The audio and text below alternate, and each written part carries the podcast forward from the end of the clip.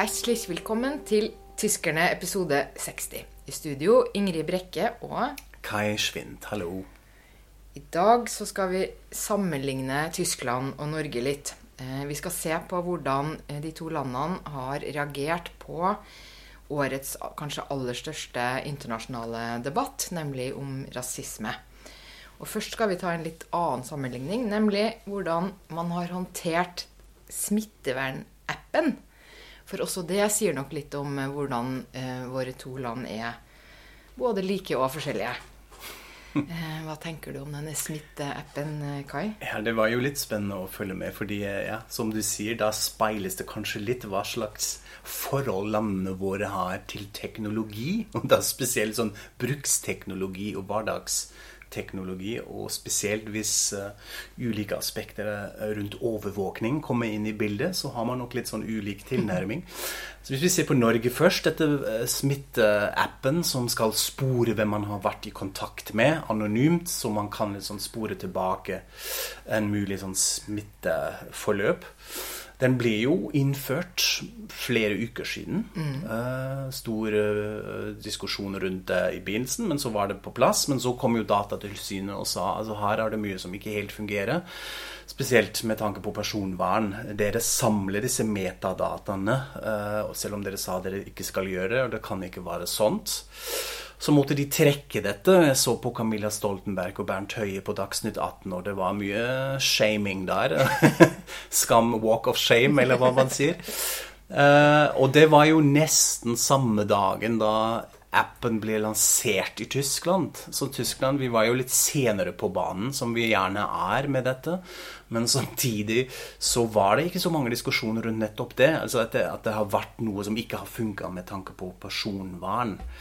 Eh, tvert imot var litt sånn politikken på. Mange anbefalinger. Dette er bra. Jeg har ikke sett så mye kritisk, egentlig. Det var bare linkspartiet som sa ja, det er kanskje litt for sent, og vi stoler ikke helt på det.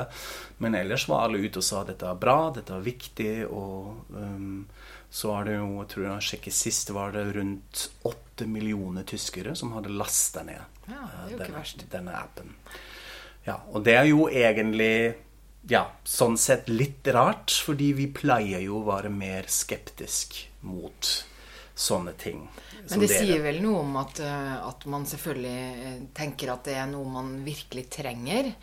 Og så er vel, eh, vil jeg jo tro at kanskje hovedårsaken til at man er da eh, så mye senere ute enn Norge, er jo at man har gjort dette personvernarbeidet ordentlig i forkant.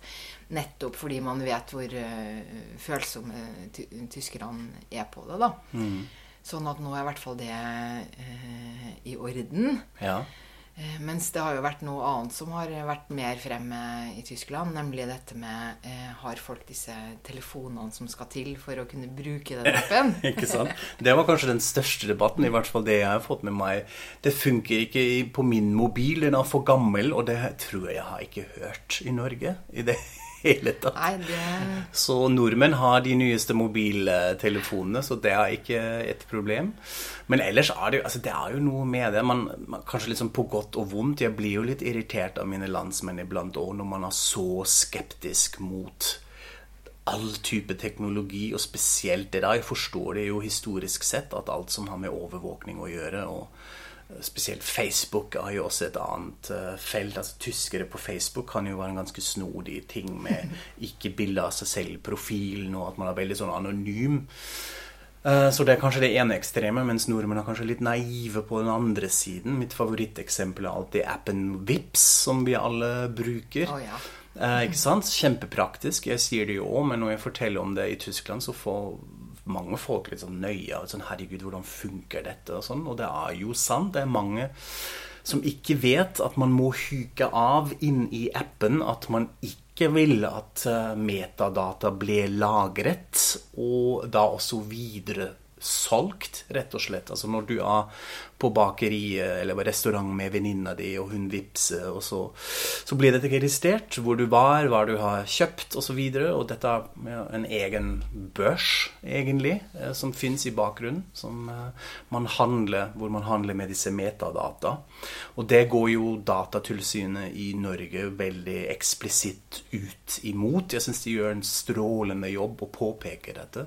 At dette må være mer transparent for forbrukeren. At man må skjønne hva slags vilkår man går inn på. Og de har også snakket om VIPS, men uansett har nordmenn ofte litt sånn Jeg tror det gjelder det med at, at man skal være fort ute, som du var inne på. Sånn, gjør det rask, Vi må være med før man Ja, dette sånn, må vi løse nå. Vi må liksom, Dette er alvorlig. Vi må finne, finne en, en sånn kjapp eh, måte å fikse med en gang, og så pøser vi inn penger, og så kommer det litt sånn i etterkant.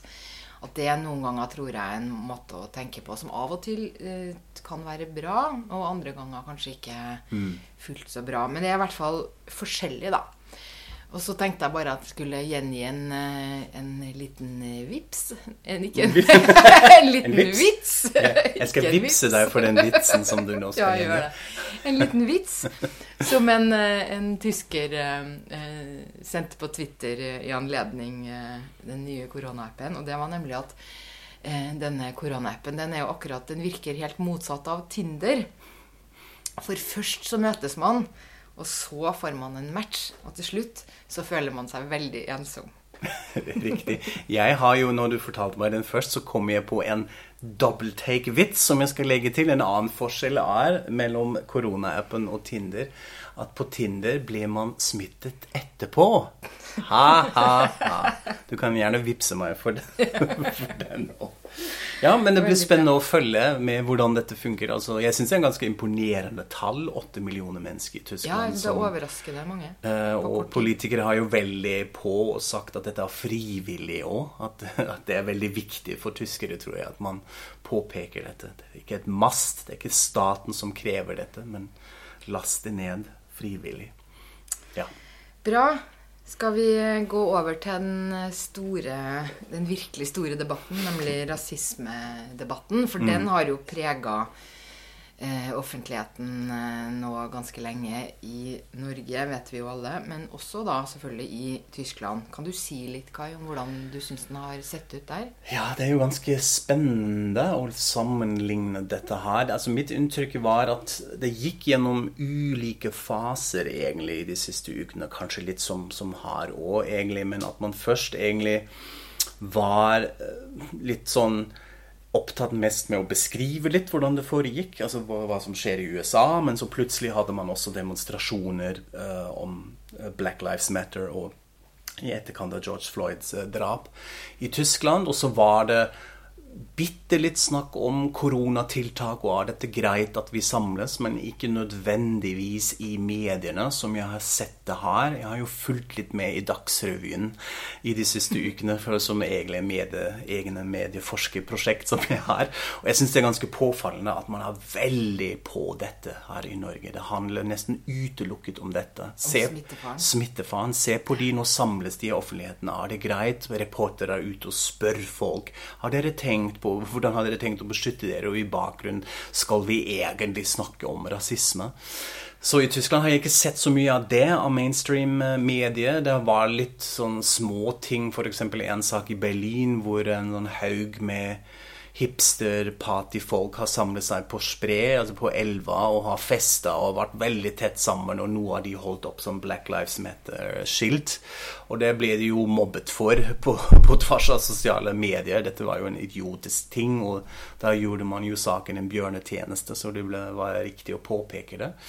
Men ellers var det ganske Det ble ikke tatt videre på en måte som jeg følte det skjedde her.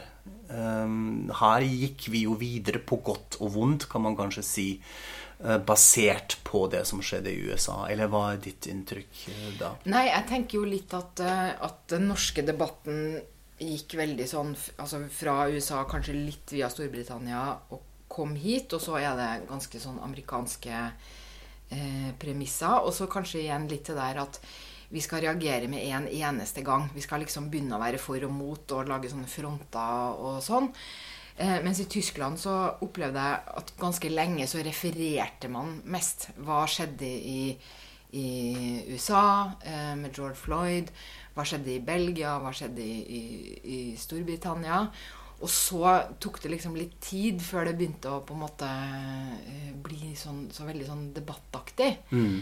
Eh, og så har kanskje er ett fellestrekk igjen. Det har kanskje vært det, det at man faktisk har hørt en del historier eh, fra folk med mørk hud lokalt, som har fortalt hvordan de opplever det.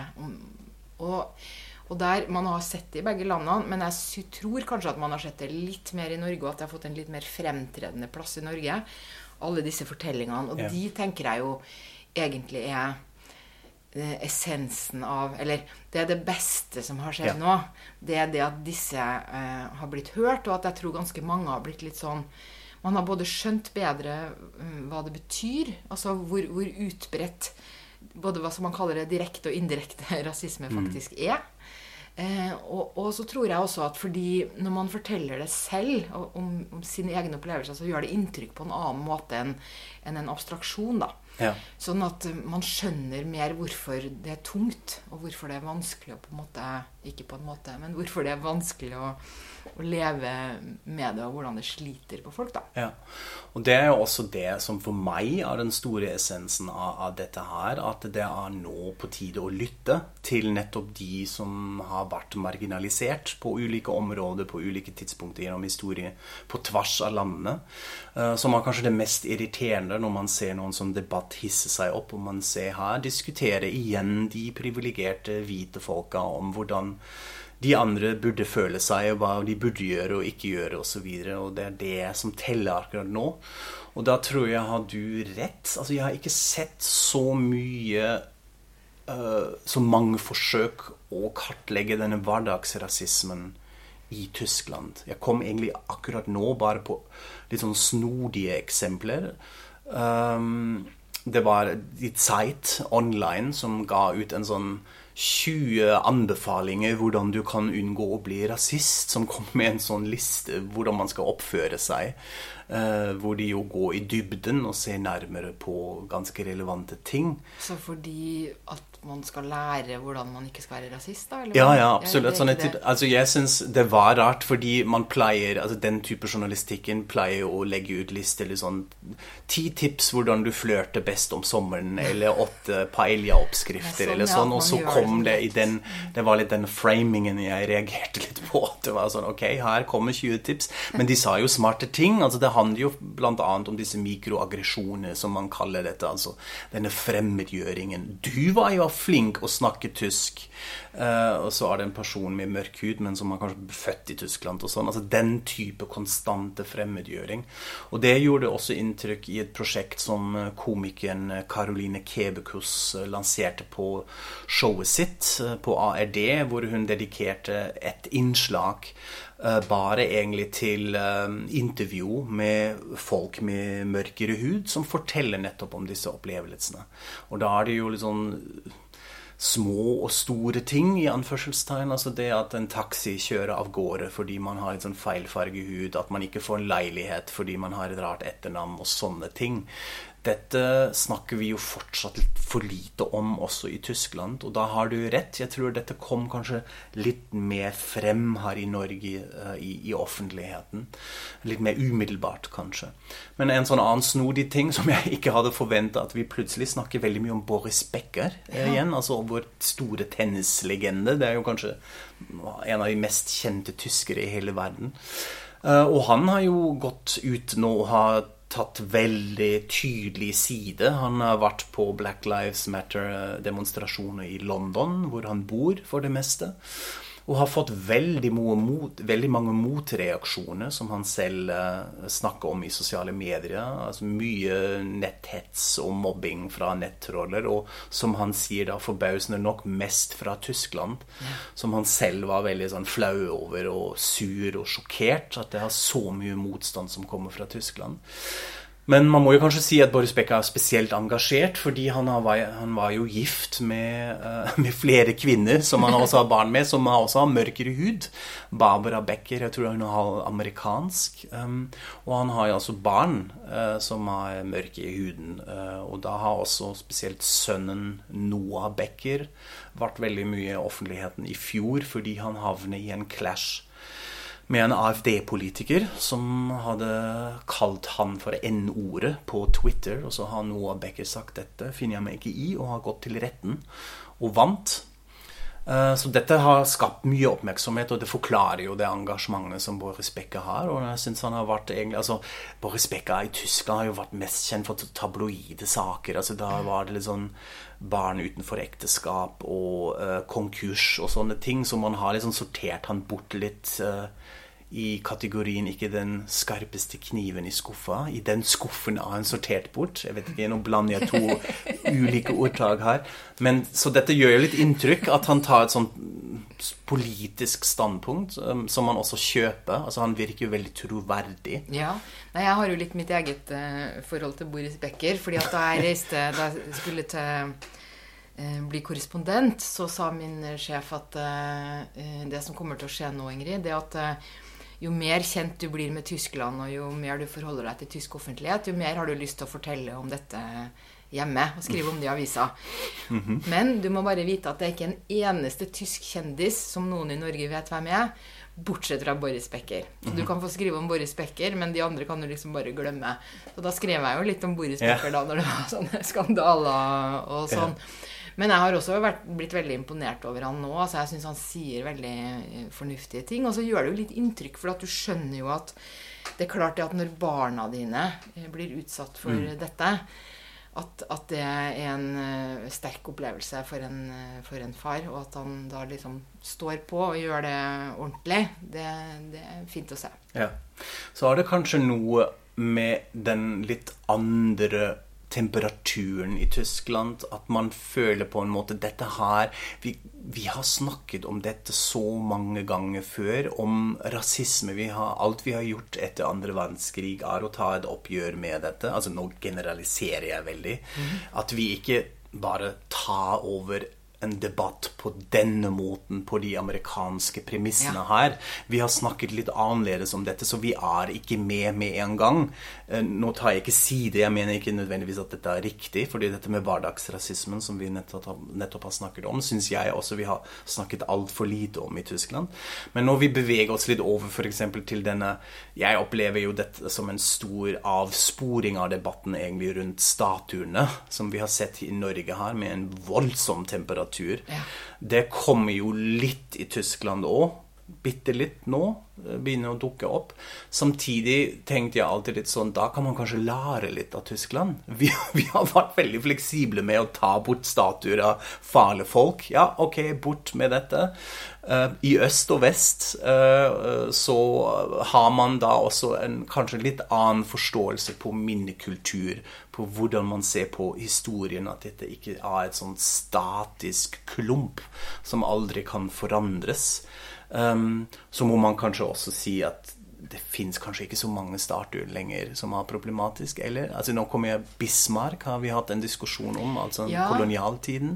Altså Jeg tenker jo at det står, står nok mange slags eh, statuer rundt omkring i, i Tyskland fortsatt. Ja. fordi at de, de, man mest har uh, tatt fatt i, er jo eh, ja, de som har vært av Lenin, eller, ja. Eh, eller eh, som var helt klart sånn nazistatuer. Mm. Men man har mange sånne mer eh, i grenseland-ting ja. som fortsatt står, og ting som jeg tror bare folk har glemt hva er, kanskje, og sånn. Og, og nå hadde vi jo eh, Når jeg drev og Jeg har jo, jeg har jo virkelig prøvd å oppdatere meg litt på denne statuedebatten og, og prøvd å finne gode argumenter for å si noe i den norske, men lagt det på hylla av mm -hmm. grunner som altså, ja, Den er så annerledes, og det er så vanskelig, syns jeg. Men, men, i hvert fall så eh, oppdaga jeg da noe som jeg ikke visste fra før, nemlig at eh, tysk Wikipedia har en hel side med veldig veldig mange eksempler på hva har man gjort med Bismarck-statuer. Oh, ja. Fordi at det, det ble reist veldig mange i hans levetid, og veldig mange etterpå. Og så har man bare eh, lista dem opp, da. De står jo overalt. Eh, og mange er kasta på skraphaugen. Noen er blitt støpt om til våpen.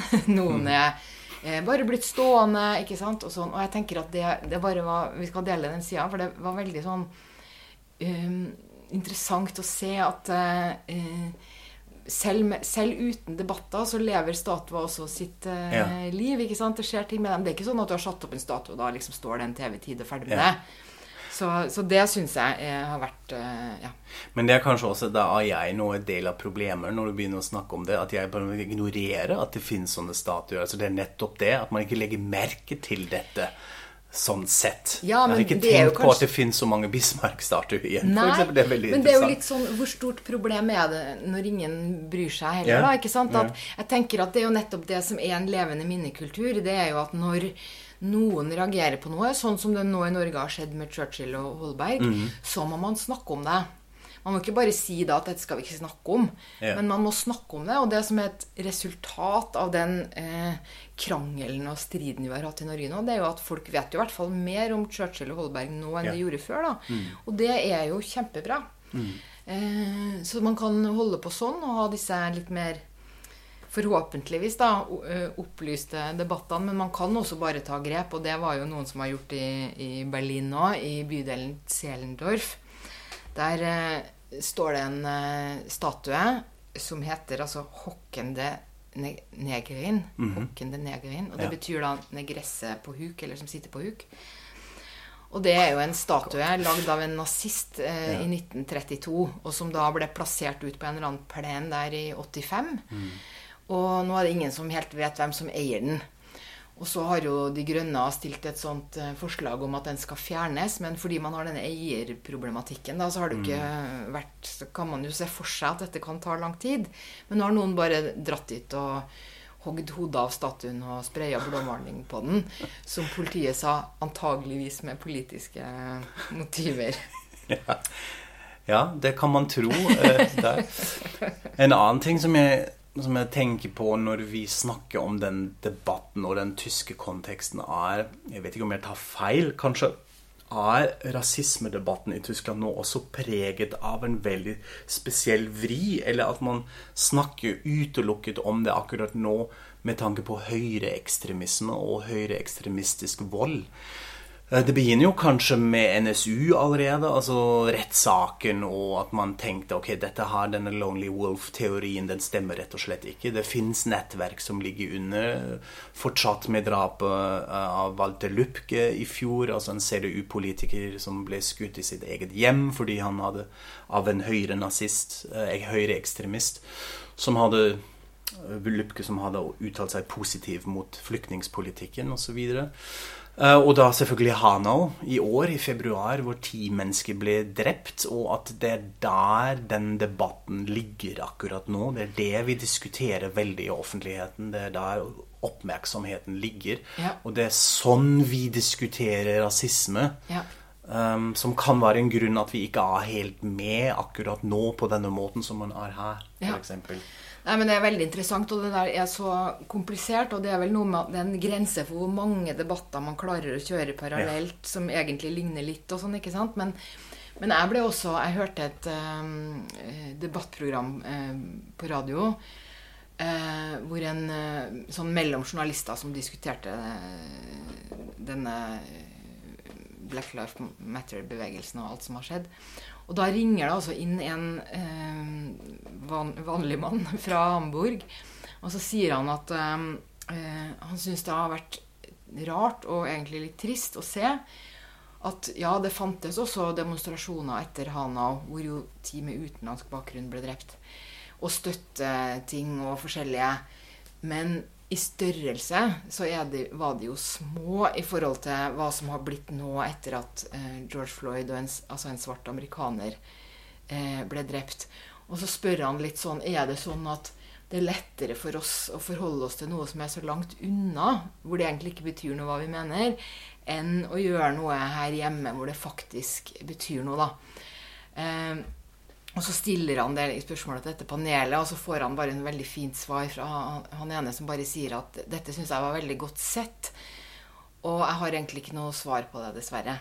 Og det er vel det man kan si om det. Ja, ikke sant. Jeg, når jeg hører dette også, så tenker jeg det akkurat det. Det er nettopp fordi det er så langt unna. Det, det er lettere å outsource. Det er litt lettere å ta i en sånn pakke og se på utenfra. Eh, dette skjer langt unna. Dette er USA. Og så er det også, tror jeg, akkurat den situasjonen og det klimaet vi befinner oss i, er kanskje også preget av noen andre aspekter også. Altså, dette er selvfølgelig koronapreget.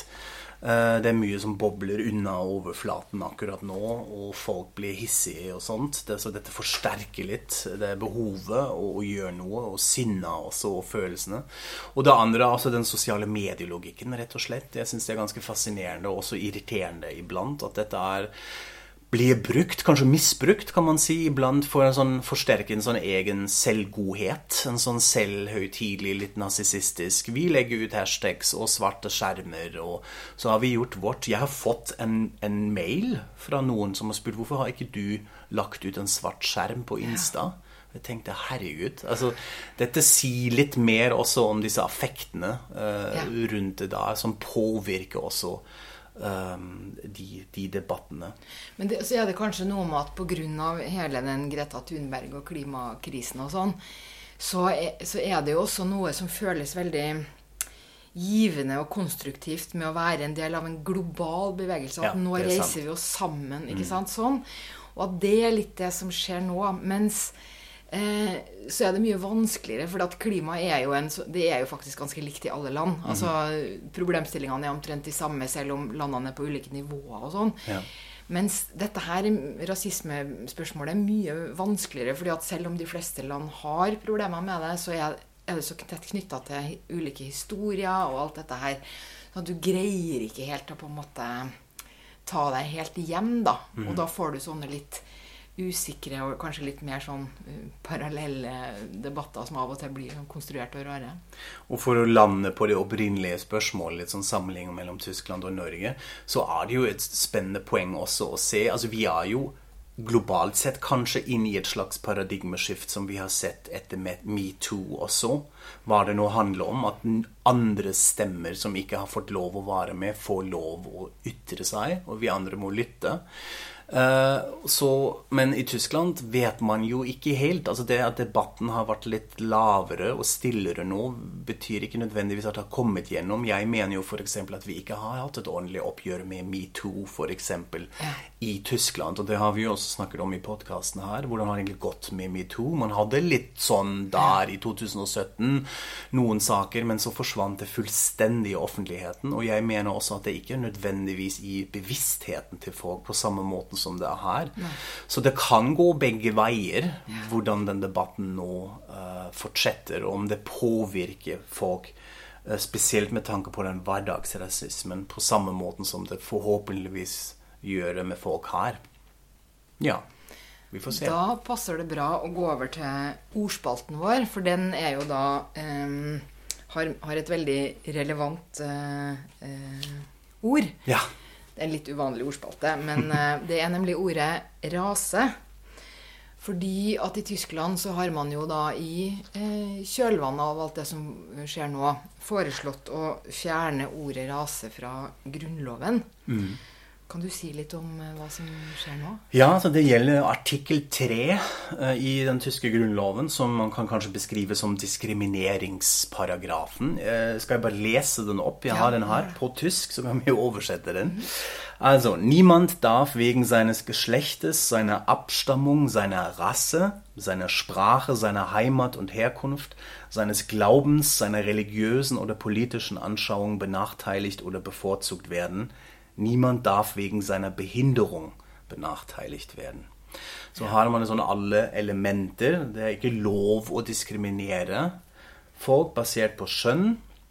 Så er det det med abstammung. Det er litt vanskelig å oversette. Det må vi kanskje komme tilbake til. Eh, bakgrunn. Bakgrunn av, Kan man si avstamning? Nei, det ja, Da blir det veldig sånn genetisk, tenker jeg. Ja, ok. Fordi, Og det er vel ikke helt det? Eller? Nei, det ligger jo litt inn der, men det kan bety flere ting. Altså, det er en sånn bio biologistisk Jeg har hørt det i den konteksten òg, men det kan jo også bety sosial bakgrunn. Ja, nettopp. Ja. Som er kanskje også viktig å ha. Språk. altså Du kan ikke diskrimineres på grunnlag av dette.